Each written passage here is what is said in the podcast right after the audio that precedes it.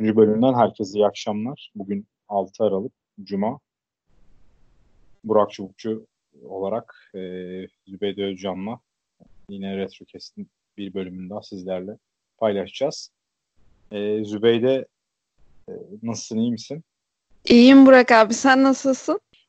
Ben de gayet iyiyim. E, yaklaşık saatler 10.30. E, evet. E, bizim normalde e, programımız 40-45 dakika gibi düşünüyoruz. Bu akşam da Fenerbahçe'nin maçı vardı. Ondan sonra e, kayda girmeye e, girme fırsatımız oldu. Ve maçı izledin sanırım. Nasıl bir maç geçti? E, sanırım 5-2 bitti Fenerbahçe. Evinde evet. Gençler Birliği'ni 5-2 mağlup etti. İstersen biraz o maçta da konuşabiliriz. Hani retro kes diye illa 1930'ların futbolunu konuşacak halimiz yok. 2019'un son günlerinde e, Fenerbahçe'yle konuşabiliriz. Nasıl buldun yani, maçı? Gayet keyifli bir maçtı abi. Ben böyle maçlardan sonra mutlu oluyorum. Süper Lig'de nadir denk geldiğimiz anlar olduğu için yani hakem neden bunu yaptı diye konuşmadığımız bol gollü. E, teknik anlamdan da anlamda da ortalama seviyede bir maçtı. Madem Retrocast e, sadece bir nostalji kısmı yapalım ondan sonra kendi konumuza geçelim.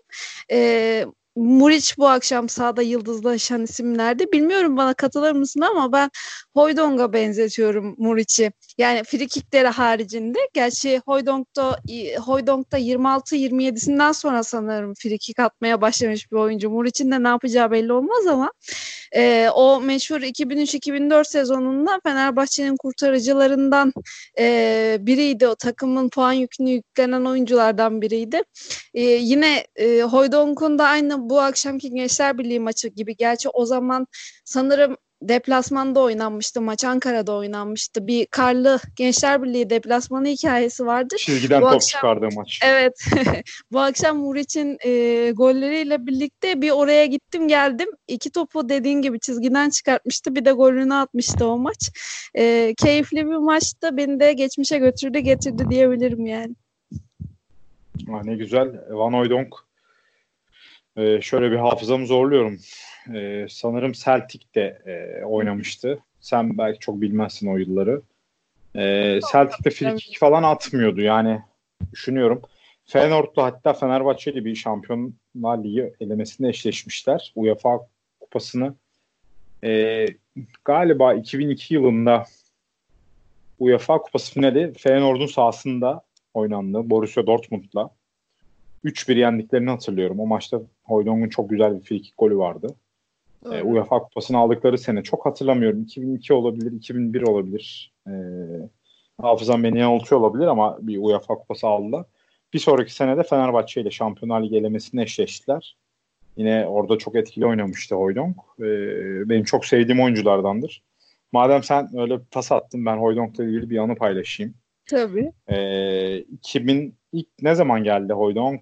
E, 2003 mü? 2004 mü? Yine ilk geldiği sezon. Başında galiba. Öyle Tamam. E, Fenerbahçe içeride e, İstanbulspor 3-0 yenildi. Rahmetli Enke e, kaledeydi. İkinci hafta Trabzon'da Trabzonspor Fenerbahçe maçı vardı. O maçta da ben kale arkasındayım Trabzon'da. Van Hooydonk'ta frikik çalışıyor tam bizim olduğumuz kaleye e, vurduğu her top karavana. Yani böyle arkadaşlarla şey yapıyoruz. Ya bunu aldılar böyle frikik atıyor falan. Bu hiçbir şey atamıyor. Bu nedir ya falan böyle dalga geçiyoruz.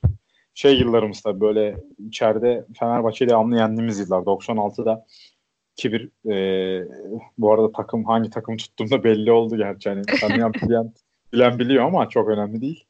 E, 96'da Fenerbahçe Trabzon'da şampiyonluğu e, 2-1 hani maçı kazanıp şampiyonluğu alıyor o sezondan 2003'e kadar devam Trabzonspor içeride kazanıyor Fenerbahçe. Tabii Trabzonspor Fenerbahçe rekabetinin atıldığı yıllar. Ee, daha öncesi var diyelim hani senin tabii e, kuşağın o yılları biliyor ama da, daha öncesi var diyelim onun. O zaman güçlendiği yıllar diyeyim abi. Ben ee, e, ya tabii 96 96 e, direkt e, ya, Fenerbahçe Trabzon rekabeti şöyle biraz konuyu saptırıyorum ama e, Trabzonspor'un şampiyon olduğu yıllarda Fenerbahçe ikinci olmuş. Trabzonspor'un ikinci olduğu yıllarda Fenerbahçe şampiyon olmuş. Biraz ondan geliyor. 76'dan beri bu bu şekilde. 96 yılda tabii bunun biraz nirvanası oluyor. Yani Trabzonspor bütün sezonu önüne götürüyor. Fenerbahçe e, Trabzonspor'un Van Spor mağlubiyetiyle e, e, Trabzon'a geldiğinde en azından bir galibiyette öne geçme şansı yakalıyor ki o maçı da alıyor. E, o tabii bayağı bir e, gerginliği ve rekabeti arttıran bir maç oluyor. Bir 7-8 sene Trabzonspor kazanıyor içeride ya da yenilmiyor diyelim. Oban Aydonk'un benim izlediğim maçta e, karavan attığı ısınma sırasındaki frikikler.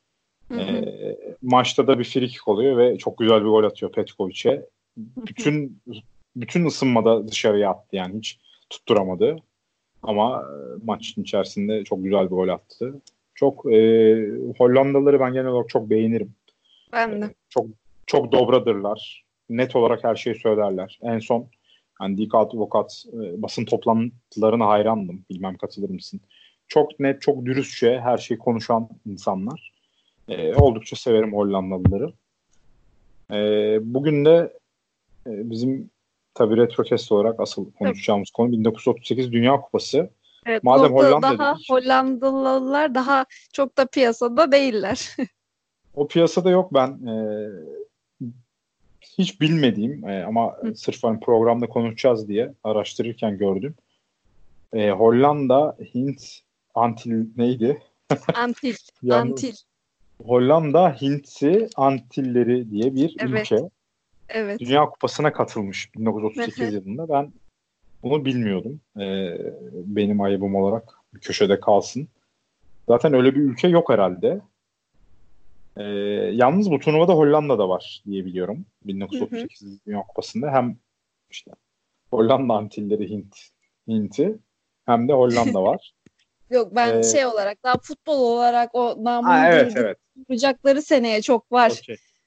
Ee, anlamında söylemiştim. Pardon. ee, durum bu. Ee, ben şey bir de bir, ilk iki bölümde biraz fazla konuşuyorum gibi geldi. Bugün fazlaca Yok, sözü sana bırakacağım. Kusura bakma o yüzden.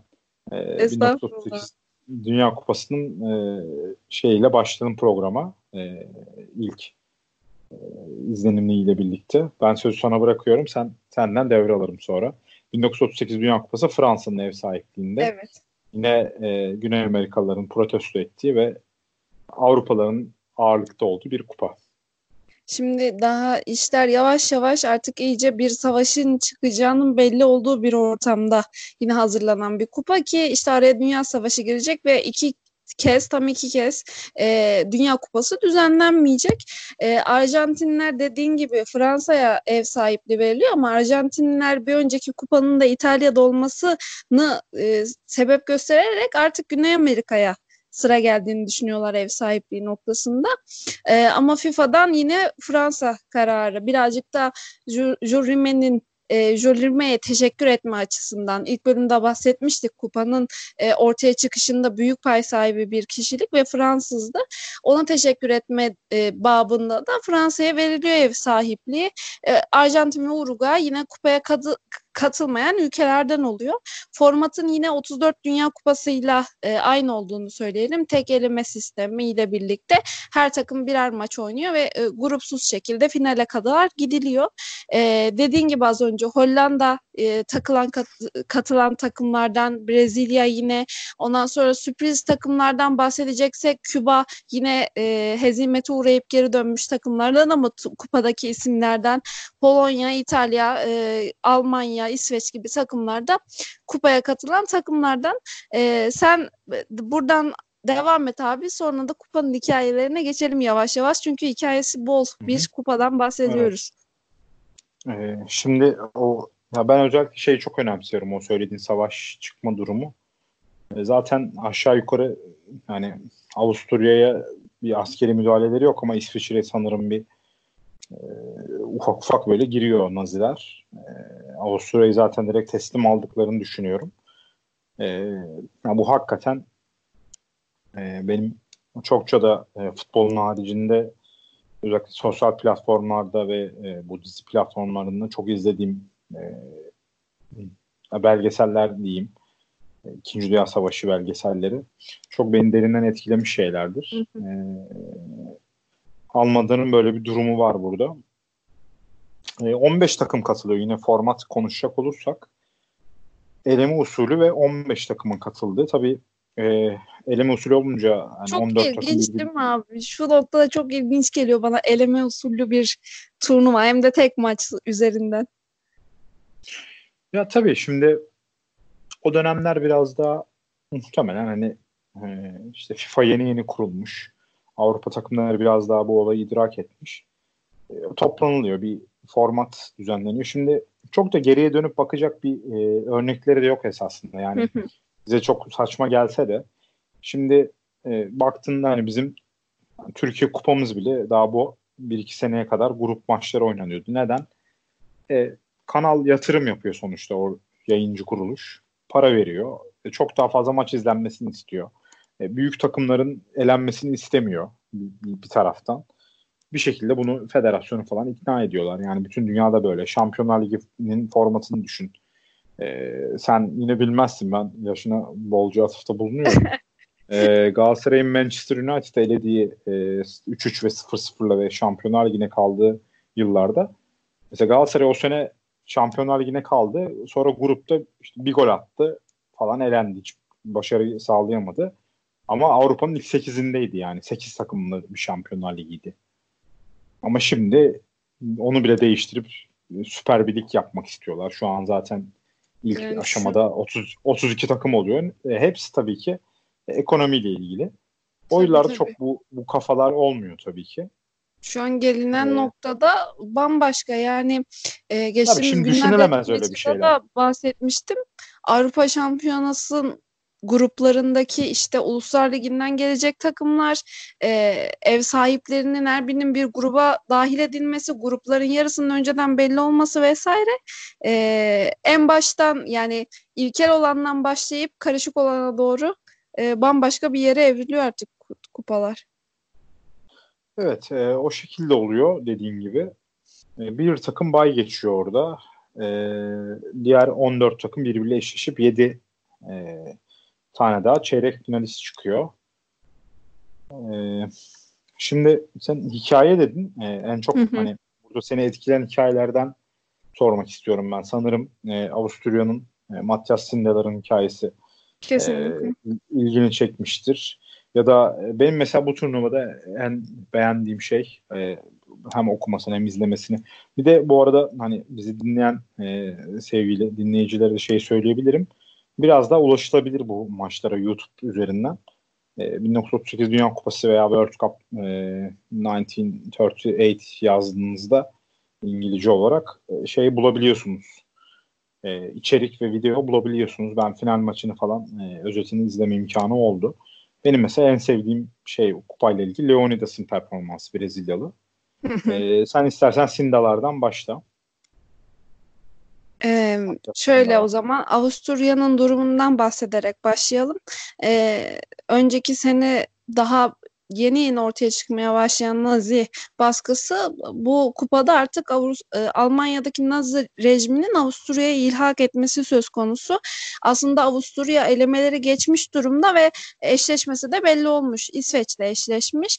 Fakat e, Almanya bu durumun e, Avusturya'ya ilhak etmesinden kaynaklı olarak Almanya tarafından karar veriliyor ki Alman-Avusturya ortak yapımı bir takımla e, turnuvada yarışılacak ve e, takımda 6 Almandan ve 5 Avusturyalı'dan oluşacak. Şimdi geçtiğimiz kupada bahsetmiştik Matias Sindalar e, o dönem Avusturya'sının e, efsane isimlerinden biri diye. Alman forması altına girmek istemiyor ve işte takımlar birleştirilmeden önce bir takımların adını hatırlayamayacağım şu an ama bir Avusturya'dan bir Almanya'dan iki takım arasında bir e, veda maçı babında bir maç oynanıyor. O maçta o maçın aslında 0-0 bitmesi gerekiyor. E, yani e, bir herhangi bir e, sıkıntı yaşanmaması için Sindeler e, önce bir gol atıyor ve sanırım bir gol daha atılıyor maçta ve 2-0 Avusturya tarafından Avusturya takımı tarafından yenilen bir Alman takımı var. O maçtan sonra kaç ay sonra hatırlayamıyorum ama Sindeler öl, ölü olarak bulunuyor ve ölümünün evet. sebebi de e, şüpheli. E, bu olaylar sonucunda da insan iste, ister istemez Sinderer'in e, Nazi rejimi tarafından Almanlar tarafından öldürüldüğü insanın aklına geliyor. Yani e, zaten İkinci Dünya Savaşı'nda e, kaç insanın öldüğü belli. Hani herkes e, internetten araştırıp bulabilir. Sadece Polonya'da Auschwitz kampında 1 milyon 300 bin insan katledilmiş. E, onun dışında yine yani Sindaların ölümü bence kesinlikle Nazilerle alakalı ve kesinlikle.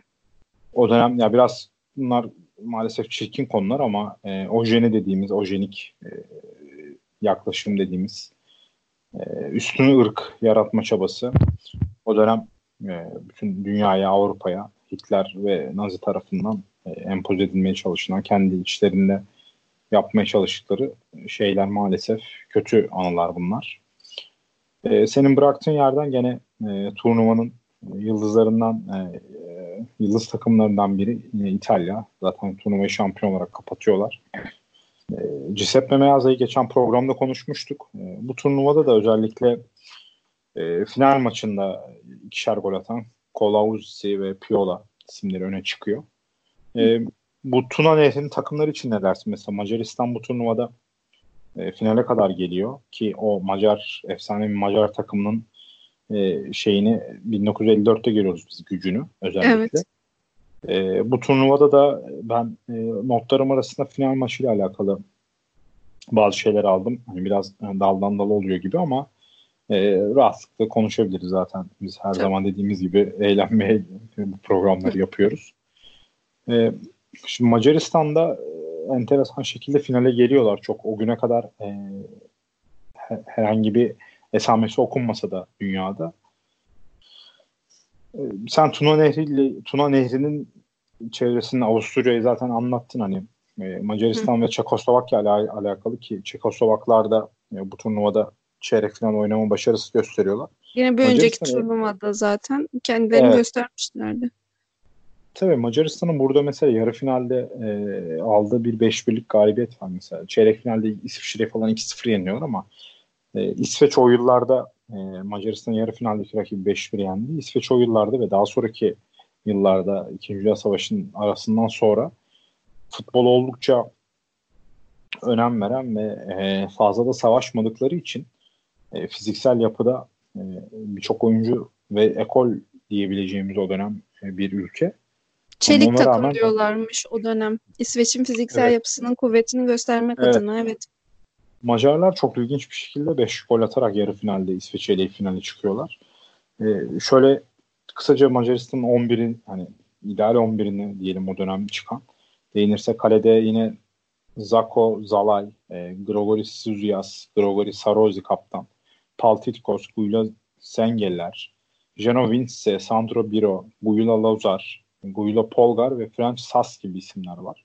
Final maçında Tiskos ve Sarosi'nin golleri. İtalya 4-2 maçı alıyor ama e, Macaristan da yine onlara e, bayağı direnebiliyor tabii ki.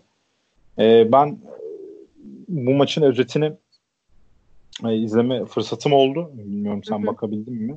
Hayır abi e, izlemedim.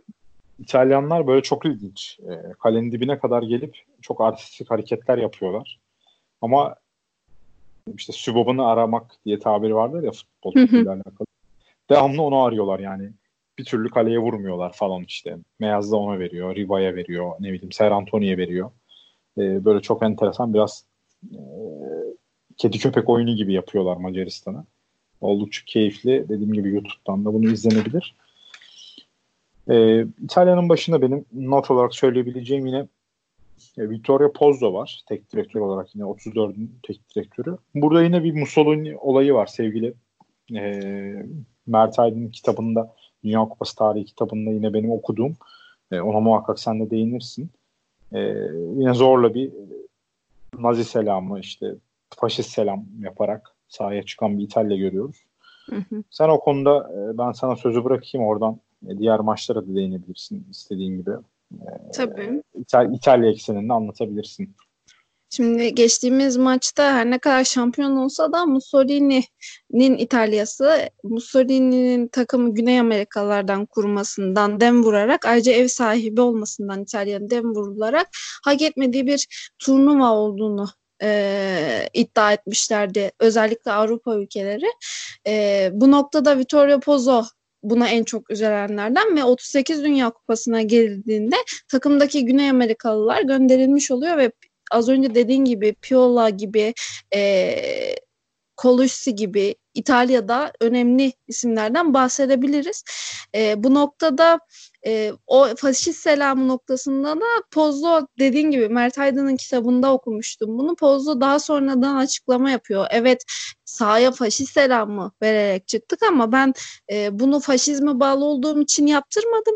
E, futbolcularımın üzülmemesi gerekiyordu ve biz bu selamı vererek savaşı sahada kazanmış olduk diye. E, hatta ilk çıktıkları bir e, Norveç-İtalya maçı için sanırım bunu söylüyor.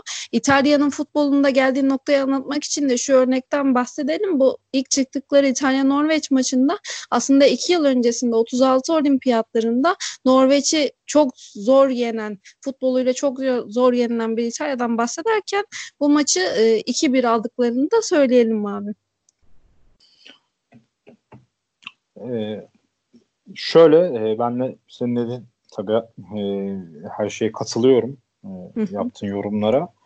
Bunun haricinde benim dediğim gibi turnuvanın e, en çok sevdiğim yönü Leonidas'ın Brezilya adına e, hem isim olarak çok sevdiğim bir film vardır benim. Bilmem katılır mısın? 300 Spartalı.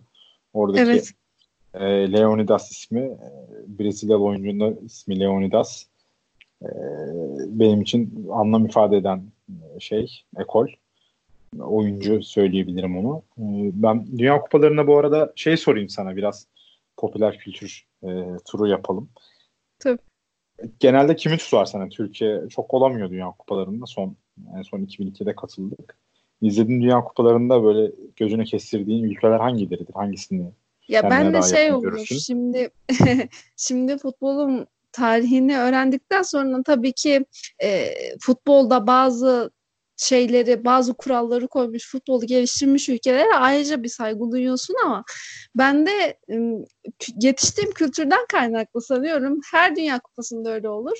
Geçtiğimiz Dünya Kupası'nda Nijerya'ydı mesela. Afrika ülkeleri genelde çok da böyle beklentinin yukarıda tutulmadığı ama e, maçlarda ya da geçtiğimiz kupada Meksika'ya örnek verebilirim. Maçlarda e, ta, yani kısıtlı imkanlarla teknik anlamda ortaya güzel malzeme koyabilen takımlara gönlüm genelde gidiyor benim. Aa, yani biraz da o popülerizmden kendini soyutlayıp biraz da işin emek tarafına yoğunlaşmışsın sanırım. Evet. Ee, Nijerya ile ilgili şöyle bir anı yine tabii ki yaşım benim 40'a yakın olduğu için e, te, tecrübem fazla diyebilirim. Ee, Nijerya 1994 Dünya Kupası'nda hı hı. sanırım e, Arjantin'le aynı gruptaydılar. Arjantin, Bulgaristan, Nijerya ve e, Yunanistan. E, Maradona'nın doping cezası aldığı Dünya Kupası 94'e gelince onu da konuşuruz. Evet. E, Nijerya o gruptan çıktı. İkinci turda da e, şeyle eşleştiler. Hmm, e, İtalya ile Baggio'lu İtalya ile eşleştiler ve 1-0'da öne geçtiler. Ya Amokachi atmıştı golü ya Raşidi Yekin atmış. Tam hatırlamıyorum. Son dakikalar Baggio e, bir golle maçı uzatmaya götürdü ve daha sonrasında da e, uzatmada attığı golle Nijerya'yı e, kupanın dışına itmişti. E, Nijerya o dönem mesela benim de 94 Dünya Kupası çok sevdiğim bir takımdı ki 96'da sanırım J.J. Okochalı kadrosuyla olimpiyat şampiyon olmuşlardı. Amerika'da düzenlenen 96 e, Atlanta olimpiyatlarında şampiyon olduklarını hatırlıyorum eğer hafızam beni yanıltmıyorsa. E, benim genelde e, 90'dan beri takip ediyorum çok ciddi şekilde. E, İtalya 94'te mesela İtalya Brezilya falan oynadı. Orada e, her iki sevdiğim takımın finalini gördük. Genelde İtalya Brezilya gibi oluyor ama Messi'nin e, 2006'dan beri sanırım e, Dünya Kupası oynuyor. O Messi oynadığından beri Arjantin destekliyorum.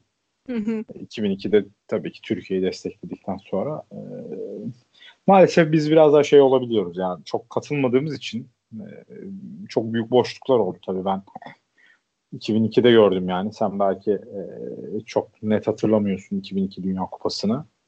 Hı hı. E, çok güzel ambiyanslar, çok güzel atmosferler olmuştu ülkede. 2002 Kupası... ile ilgili bana şey anlatıyorlar. Ee, tabii ki ben hatırlamıyorum. Yani birazcık da şeyden Aha. kaynaklı. Söylemiştim daha önce. Yaşım aslında çok küçük değil. 23 22 evet, evet. yaşındayım. Ama e, futbolla belli bir noktadan sonra ilgilenmeye başladığım için hatırlayabileceğim oyuncuları dahi ki bunlar büyük pişmanlığımdır gerçekten. işte Del Piero gibi, Ronaldinho gibi e, ya da 2002 Dünya Kupası gibi, e, işte 2008 Avrupa Şampiyonası gibi organizasyonları ve kişileri hatırlayamıyorum. E, bu üzücü bir nokta. E, 2002 ile ilgili bana şey anlatıyorlardı abi. Gündüz vakitlerine geldiği için maçlar işte her erkek arkadaşımın okulda hocalar dersten çıkıp izlememize izin veriyordu ya da işte okuldan kaçardık o, ya da okul biterdi işte koşa koşa eve gelirdik o mahalle kahvesinde izlerdik büyüklerimizle falan diye her erkeğin anlattığı bir anısı olmuştur bana 2002 ile ilgili. Yani şey olarak çok güzel tabii.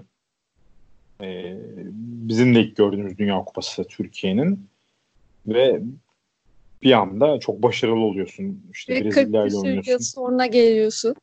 Tabii yani e, ilk maç e, yani Hasan Şaş golü attığında ben şeye inanamıyorum. Bir de şimdi öyle bir büyütme yapmıyorum mesela. Brezilya gol atsak şu anda o şekilde gözümde büyütmüyorum. Yani işte bizimkiler ne oluyor Fransa'ya içeride yeniyorsun. Dışarıda e, kora kora oynuyorsun kafa kafaya ve puan alıp dönüyorsun. Yani 1-0 yenik duruma düşüyorsun. Puan alıp dönüyorsun. İşte Fransa gol atamıyor. Sana gol atamayacağı belli. O gün Oliver Giroud girdi. işte gol attı. Hani bize gol atabilecek en yakın oyuncu Oliver Giroud. Başka seçenekleri yok gibiydi sahada. Ama şimdi o zaman o, işte 17-18 yaşındayım. Yani işte Ronaldo benim için inanılmaz bir yerde de zaten. Hani e, çokça Messi'nin önüne geçtiği anlar oluyor bazen zihnimde. E, Luis Nazario, Delima Ronaldo, gerçek Ronaldo dediğimiz ki bu arada diğer Ronaldo'yu da haksızlık etmek olmaz yani. O da o, o da gerçek Ronaldo. E, Rivaldo var, Ronaldinho var. İnanılmaz bir takım yani o şeyi algılayamıyorsun yani. Hani sana 7 tane atsa bir sıkıntı yok. Hani o şekilde evet, gördüğüm kesinlikle. Büyüt, büyüttüğüm bir takım. Çok şimdi öyle değil mesela futbol. Yani çıkıp yenersin yani. Hani Almanya ne oluyor?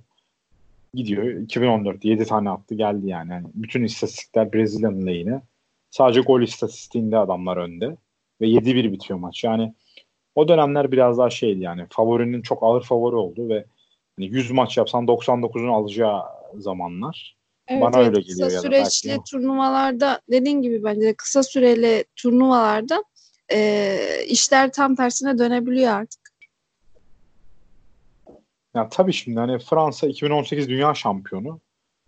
Şey hiçbir zaman ama inancını kaybetmiyorsun hani. İçeride Moldova'yı falan bile zor yendiler. Yani biraz da o futboldaki şeyler, e, mesafeler veya alttaki e, underdog dediğimiz bu daha zayıf takımların bir şekilde plan ve programla birlikte üst tarafa çok yaklaştığını görüyoruz. E, turnuva ile alakalı bayağı dağıttık. Ben istersen direkt şeye geçeyim. Ufak ufak hani kim hangi skoru almış. Tabii e, Birçok uza, uzatma görüyoruz burada. E, Almanya-İsviçre maçı e, Yine burada benim kafamı karıştıran karıştıran bir şey var. Bu e, uzatmaya gidiyor. Almanya İsviçre mesela uzat yani ilk 1-1 bitiyor ve sonra e, bir ikinci maç oynuyorlar.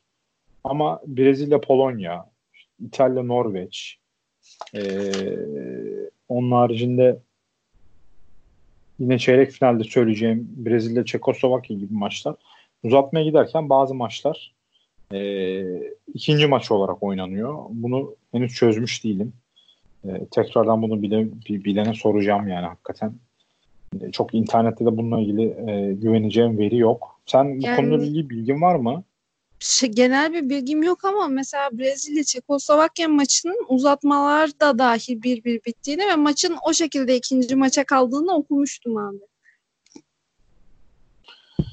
Ya mesela Almanya İsviçre maçı 1-1 bitip e, ikinci maç oynanıyor. Tekrar maçı oynanıyor yani. Tekrar maçında da İsviçre mesela 4-2 yeniyor Almanya'yı. araştırmak lazım dediğin gibi evet. Bilen birinden sormak lazım bu noktada. Bir okuduğum bir şey yok benim de çünkü. Şöyle olabilir bir ihtimal. Ee,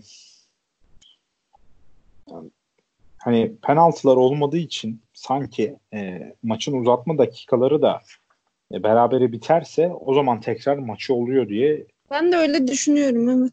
sanki o olabilir hani o şimdi düşününce mantıklı geldi bana. Çünkü e, penaltı atışları yok sonuçta daha henüz Hı hı. icat edilmedi. E, muhtemelen o uzatmalarda da sonuç alınamadığı için ikinci maçlar oynanmış. Evet o yüzden Brezilya Çekoslovakya maçını örnek verdim. E, onu o şekilde yani o şekilde konuşabiliriz diye düşünüyorum. Biraz E, da Leonidas'tan bahsedeyim mi abi? Tabii tabii Röveşata'nın mucidi Leonidas. Evet. Dinliyorum. Brezilyalılar böyle olduğuna inanıyormuş. Yani Röveşata'yı, Röveşata atışını onun bulduğuna inanıyorlarmış ama e, bu bir efsane. Brezilyalıların oyuncuyu çok sevdiğinden dolayı uydurduğu bir efsane. Çünkü bahsettiğimiz vuruşun tarihi ta 1910'lu yılların başına kadar dayanıyor. O yüzden öyle bir durum olmadığını söyleyelim. E, bir Leonidas'ın ilginç bir hikayesinin anlatıldığı yine bir maç var. Brezilya-Polonya maçı. Ee, uzatmalarla birlikte 6-5 biten bir maç. Ee, Leonidas'ın e, o meşhur hakem Eklint'ten 1934 finalinin Eklint'i bu maçı yönetiyor. Leonidas'ın hakemden bir ricası var. Yanına gidip ayakkabılarını çıkartmak istediğini, ayakkabıların ayağını çok sıktığını, bu şekilde rahat gol atamadığını söylüyor ama hakemin izin vermemesi üzerine de paşa paşa yerine döndüğünden bahsedelim. Onunla ilgili de böyle ilginç bir anı e, anlatılır. Yine Brezilya'dan çıkmadan e, Leonidas'ı Leonidas'ı dışarı dışarıda bırakarak yarı finalden e, bahsedeyim. Madem dağınık dağınık anlattık. İtalya'nın e, çok iyi bir takım olduğunu 34'teki iddialara mahal vermediğini artık takım yapısıyla söyledik. E, yarı finalde de Brezilya-İtalya karşılaşmasını görüyoruz ve Brezilya'da Leonidas yok ve tim yok. E, bir noktada sanıyorum e, teknik direktörün ve ta- taraftarın da takımlarına çok güvendiğini söyleyelim. Çünkü şey okumuştum. e, yani Brezilyalı taraftarlar takımlarına o kadar güveniyorlardı ki e, yarı final e, şey yarı finalden bir önceki maçın uzatma maçına uğramadan yarı finalin oynanacağı Marsilya şehrine gitmişler. E, öyle de bir güven varmış oyuncular üzerinde ama e, İtalya Brezilya'nın hayallerini boşa çıkartacak ve e, Brezilya'yı sanıyorum e, şu an skoru hatırlayamayacağım ama 2-1. ha 2-1 2-1. yeniyor İtalya. Evet Hı hı. 2-1 doğru. Domingos'un Domingos'un da o maçta yıldızlaştığını söyleyelim. E, yine ilginç bir penaltı atışı var abi. Hikayesini biliyorsan sen anlat istersen. Ee, yo ben şey tam hatırlayamadım. Sen istersen. Tamam. E, anlatabilirsin. bizim Meza'nın yine geçtiğimiz kupadan bahsettiğimiz Giuseppe Meza'nın yine bir hikayesi vardır bu maçta. Ee, penaltı atışı kullanılacak. Sanıyorum bu da turnuva tarihindeki e, sayılı penaltılardan biri. Ee, rakip, rakip kaleci de karşıdaki rakip kale- kaleci Walter da aslında bütün çoğu penaltıyı kursarabilen ve bu bu yönüyle de ünlü olan bir e, kaleci. Meza geriliyor ve topa vuracağı sırada e, şortu düşüyor. Karşıda Walter ona gülerken e, o onun gülmesine aldırış etmeyip şortunu bir eliyle yakalayıp diğer ayağıyla da golünü atıyor ve takımını da finale taşımış oluyor o golle. Ha, hakikaten ilginçmiş yani. Ee, ben Brezilyalılarla ilgili hani sen şey dedin yani kendilerinden biraz emin tavırları var. Hı hı. Ee, Leonidas'ın röveşatasını kendilerine mal etmişler. Hı. Ee, Brezilya'da bulunma şansım oldu 2014 Dünya Kupası sırasında ve e, çok yakın haftada bir görüştüğüm diyebileceğim. Maçları mı izleme? Maç maçları izleyebildin yani birebir. Evet evet yani Dünya Kupası bir tane Dünya Kupası eleme maçı izledim ikinci turda e, Kolombiya Uruguay arasında. E, Rio de Janeiro'da Maracana'da oynanan maçı. E, çok ilginç insanlar. E, mesela e, Portekizce onların dili. Sonuçta Portekizlerin dili ve e, şöyle bir mesela okul aldıkları var yani onlar o dili konuşamıyor yani. O dili neyse ki işte bize bizim topraklarımıza geldiler. Biz onlardan aldık ama biz geliştirdik gibi. Değişik kafada bir yapıları var. Ee, o hani Röveşata'nın onlarda olmayıp sahiplenmeleri falan gayet normal ve sıradan geliyor bana esasında. e, çok da yakın çok da yakın yıllardır Türkiye'de yaşayan çok iyi Türkçe konuşan Brezilyalı bir yani çok yakın dostum da var.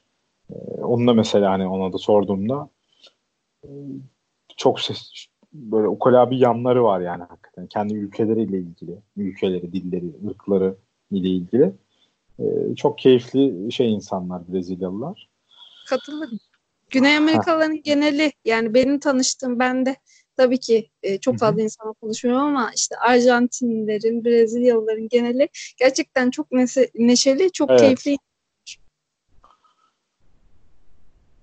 Kesinlikle öyle. E, finalden de bahsedip bitirelim istersen abi. E, ben biraz ortada şey ortada ortada finale girdim ben. Sen ama senin de orada yorumlarını çok merak ediyorum. Ee, özellikle Piola orada öne çıkan oyunculardan. Ee, ve gümbür gümbür gelen de bir Macaristan burada finalde kaybediyorlar. Şey çok ilginç değil mi yani Macaristan şu an dünya futboluna çok adı sanı yani biz tabii ki yani futbol takip eden insanlar olarak biliyoruz ama belki de en son 2016 Avrupa Şampiyonası'na katılmışlardı. Onun haricinde esamesi okunmayan ülke. İki tane Dünya Kupası finali var yani baktığında büyük başarı yani bunlar adına. Ee, yani istersen hı hı, değil mi? E, kesinlikle öyle. Tuna ekolü diye bahsettiğimiz o akımların hiçbirinin aslında dünyada futbolda belli bir noktada devrimci olduklarını ama şu an esamesinin okunmadığını söyleyebiliriz. Hem e, Çek, Çekoslovakya, Avusturya, Macaristan içinde. E, final maçında da dediğin gibi gümbür gümbür gelen bir Macaristan var ve 54 kupasında da ciddi anlamda e, kazıp kavuracaklar ortalığı. E, final maçında da zaten İtalya 4-2 alıyor. Ben e, ama 4-1 yani diye hatırlıyorum. Bu arada. 2 de olabilir. E, bakarız sonra. Galiba 4-2 idi ya. Çok yanlış hatırlamıyorum. Çünkü notumu aldım burada e, yayından önce. E, ben, ben maçı da izledim bu arada. Ha, önemli değil yani ne olacak çok önemli değil zaten. E, oradaki durum şu ya ben maçın yaklaşık 8-10 dakikalık bir özeti var YouTube'da. E, açmak isteyenler bulabilirler. E, ciddi bir İtalya şey var orada yani e, kalenin ağzına kadar gelip orada akrobatik hareketlerle bir türlü topu kaleye atmayıp paslaşan bir İtalya görüyorum. E, İtalya bu turnuvayı e, hani 34'te biraz daha hakem ve Mussolini ekseninde konuştuğumuz bir turnuva oldu ama e, buradaki özellikle final maçında ve Brezilya'yı da yenerek geldikleri yine ev sahibi Fransa'yı çeyrek finalde 3-1 ile geçip geldikleri bir turnuva oldu. Ee, senin orada notlarında merak ediyorum tabii ki söylemek istediğim varsa. E, finalle ilgili söyleyebileceğim her şeyi söyledin sen zaten. Bir de ekstra geç onu söylemeyi unutmadan söyleyelim.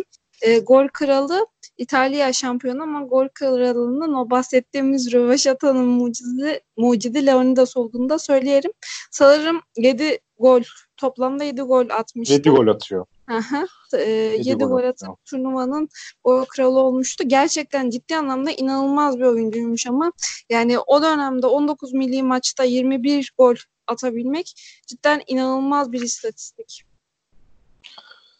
E, aynen öyle. Şöyle zaten 3 golü şey atıyor. E, Polonya ile eşleştikleri uzatmaya giden 6-5'lik maçta 3 e, gol atıyor. Orada hat-trick yapıyor. E, çeyrek finalde Çekoslovakya ile 1-1 kalıyorlar. Orada gol atıyor. Maç tekrara gidiyor.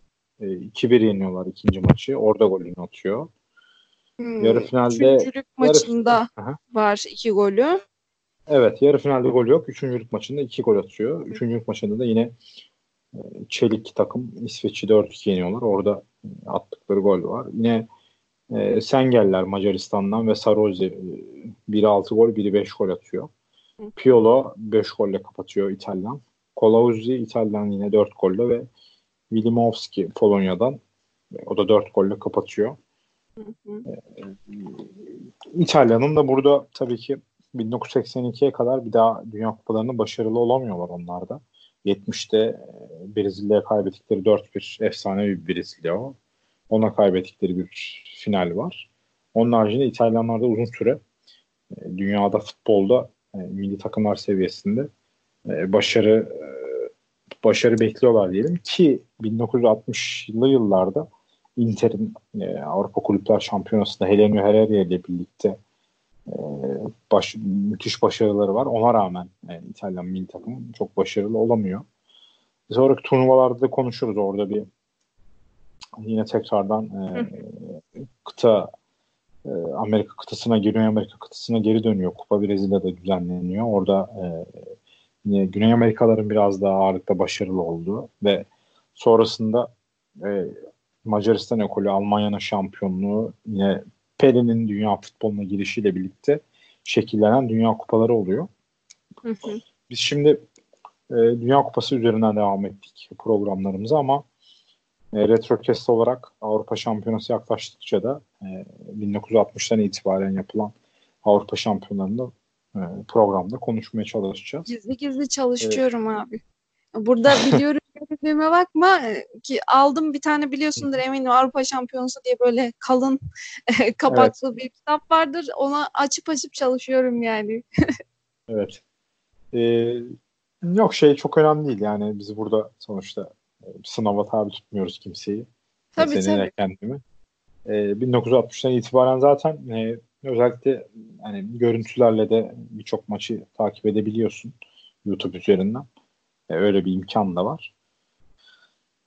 E, o zaman yani kapatabilir seninle söyleyecek başka bir şeyin yoksa e, burada Tabii. üçüncü yayınımızı sonlandıralım. Evet son bir daha tekrar edelim başta söylediğimizi bir sonraki kupa araya 2. Dünya Savaşı girdiği için daha 12 yıl sonra olacak. Dünya futbola da e, bir savaş yüzünden büyük e, can kayıplarının yaşandığı büyük bir savaş yüzünden dünyayı sarsan bir savaş yüzünden e, uzun bir süre ara vermek zorunda kalacak.